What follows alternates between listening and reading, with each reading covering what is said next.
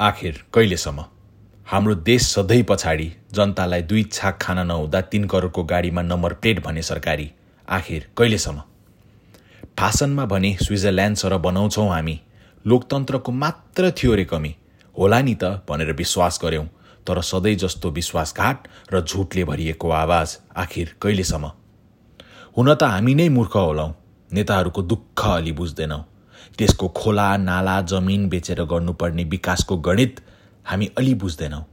तर मेरो अज्ञान दिमागले कहिलेकाहीँ सोच्ने दुस्साहस गर्छ। केही कारण छ होला मेरो देशले आफ्नो युवालाई विदेश पठाएको। सायद अरूको भलाइ गर्नुपर्छ भनेर हाम्रो संस्कारले उनीहरूलाई सिकाएको। तर फेरि त्यो एक्लो आमाको आँखामा म हेर्छु। कहिल्यै नथाकी गर्ने उनको प्रतीक्षा म देख्छु। ए मेरा दाजु भाइ दिदी बहिनीहरू हाम्री आमाले आफ्नो छोरा बिना बाँच्नुपर्ने अब कहिलेसम्म? एउटा प्रश्न थियो सरकार। आजकल हजुरहरूको निन्द्रा कस्तो हुन्छ?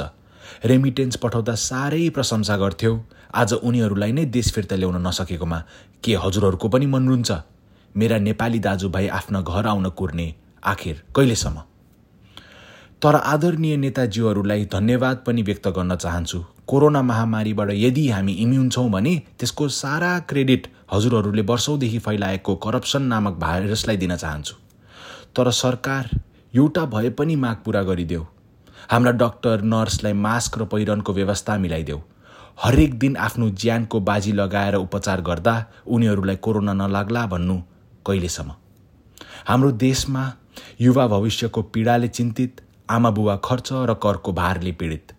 तर हाम्रो जनता थाकेको नसोच्नु हाम्रो गोर्खाली रगत भारतमा बिकेको कल्पना पनि नगर्नु। सुतेको बाघलाई लट्ठीले चलाएर उठाउने प्रयत्न गरेका छौ सरकार। हाम्रो आक्रोशलाई कहिल्यै नबग्ने तिम्रो मेलम्चीको पानी नसोच्नु। भन्नु अझै कति छ भोगेका अझै कति छौँ। मेरो चाइनामा बनेको कलम र इन्डियामा बनेको मसीबाट लेखिएको हरेक नेपाली युवाको यी प्रश्नहरूबाट अझै पनि भागेर हिँड्ने कहिलेसम्म? आखिर कहिलेसम्म?